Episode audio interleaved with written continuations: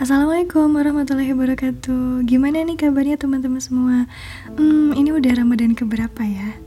Tetap semangat ya, meskipun tahun ini beda sama tahun sebelumnya Tapi nggak menyurutkan semangat kita dong buat selalu beribadah maksimal sama Allah Wa Taala.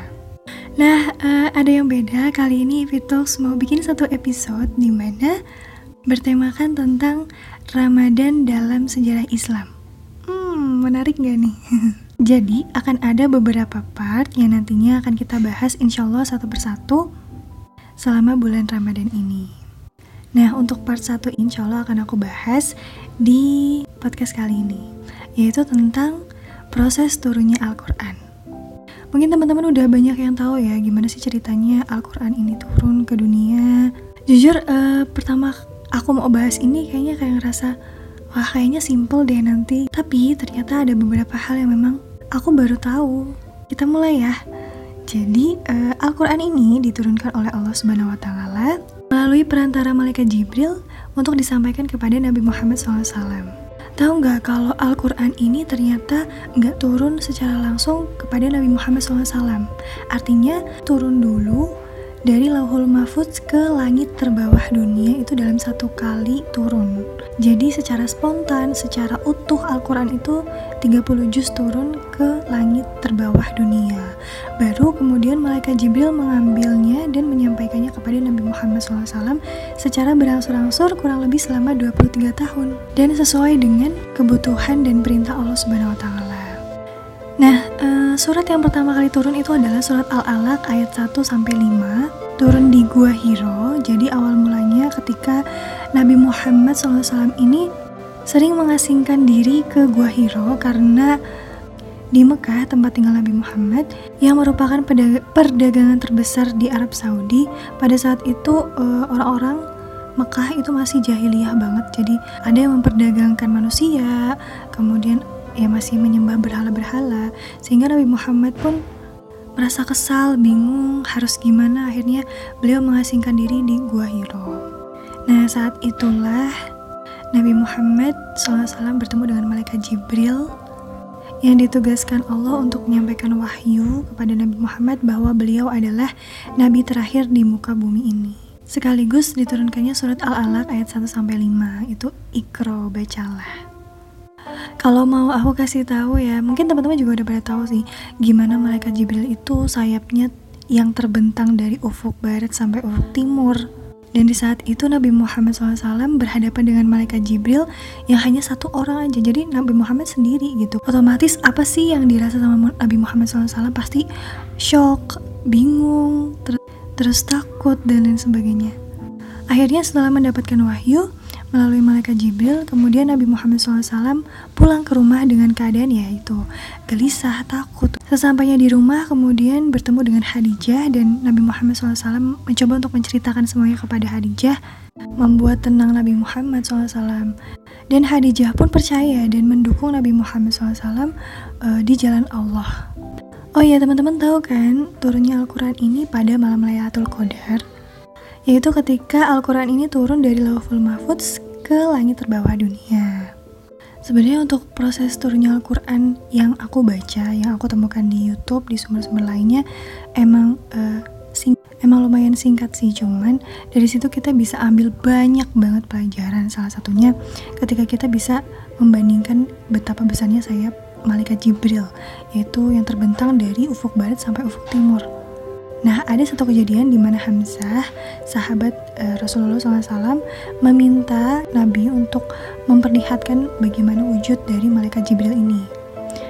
Setelah Nabi Muhammad meminta uh, malaikat Jibril untuk menunjukkan bagaimana wujud aslinya kepada Hamzah, lantas apa yang terjadi? Hamzah ini langsung pingsan. Ya, gimana lagi ya? Melihat uh, makhluk Allah yang benar-benar kita nggak bisa bayangin betapa besarnya dia gitu ini salah satu tanda-tanda kebesaran Allah. Kalau kita mau bayangin betapa besarnya Allah tuh nggak nggak akan sampai logika deh. Karena benar-benar manusia itu udah kecil ya, terlalu banyak dosa dan logikanya pun terbatas. Jadi kita nggak perlu membayangkan Allah sebesar apa itu nggak akan bisa terbayangkan. Cuman kita bisa membandingkan uh, gimana bentuk besarnya malaikat Jibril Nah, aku coba bandingin lagi antara malaikat Jibril dan malaikat Israfil. Satu sayap malaikat Israfil sama dengan 600 sayap malaikat Jibril. Malaikat Jibril itu loh sayapnya dari ujung ufuk barat sampai ufuk timur.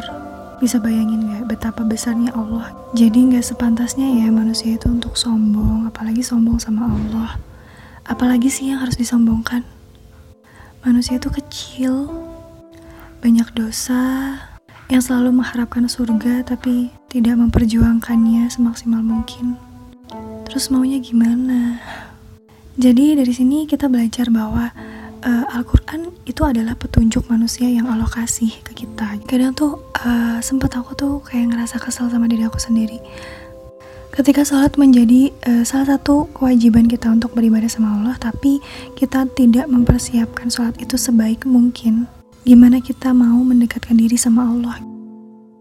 Kita ibadah, kita sholat, sama aja kayak kita tuh sedang menghadap sama Allah kan. Tapi uh, pernah sering gak sih kalian tuh kayak masih pakai baju yang seadanya untuk sholat? Pakai baju yang ya udah kalau yang aku pakai ini ya udah yang aku buat sholat gitu. Kenapa sih nggak kita rubah dengan kita mempersiapkan diri sebelum sholat apa aja baju yang mungkin baju terbaik kita yang kita punya untuk kita sholat kita pakai itu kemudian dikasih wangi-wangian. Karena kita tuh ketemu sama Allah yang menciptakan kita kita ketemu sama Allah yang menciptakan langit dan bumi kita ketemu sama Allah yang jika dibandingkan kita itu aduh udah nggak ada papanya deh. Tapi kenapa kita nggak sadar sampai situ gitu? Kenapa kita pakai pakaian yang bagus ketika kita keluar rumah aja? Atau ketika ketemu sama temen keluarga dan lain-lain? Tapi sama Allah kenapa nggak diperhatikan? Jadi semoga kita juga bisa melihat dari hal-hal kecil yang masih banyak yang perlu kita perbaiki. Contohnya ketika kita mau mempersiapkan diri untuk sholat. Ini self reminder banget. Yang paling utama itu adalah pengingat diri sendiri kemudian uh, sebagai pengingat kepada sesama.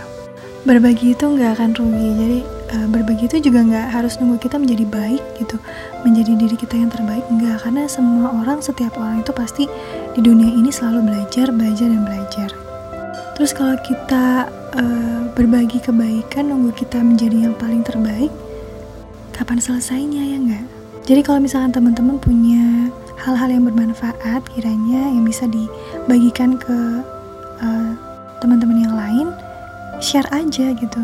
Yang penting niat lillahi ta'ala karena ingin berbagi sebuah kebaikan karena Allah ya. Teman-teman yang lain. Jadi kita hayati kebesarannya dengan takbir sholat kita karena dialah Al-Akbar. Kita agungkan dia dalam ruku-ruku kita karena dialah Al-Azim. Kita tinggikan dia dalam sujud-sujud kita karena dialah Rob Al-A'la. Innahu ala kulli syai'in qadir. Dia maha kuasa atas segala sesuatu. Itu sekilas proses turunnya Al-Quran dan ada beberapa tambahan yang aku sharing ke teman-teman. Semoga bisa ada manfaatnya dan cukup sekian ya eh, podcast kali ini terima kasih buat teman-teman yang udah mau dengerin maaf kalau ada salah kata dan teman-teman juga boleh kasih saran ke kita lewat DM Ivy Talks di Instagram dan jangan lupa juga subscribe channel YouTube kita.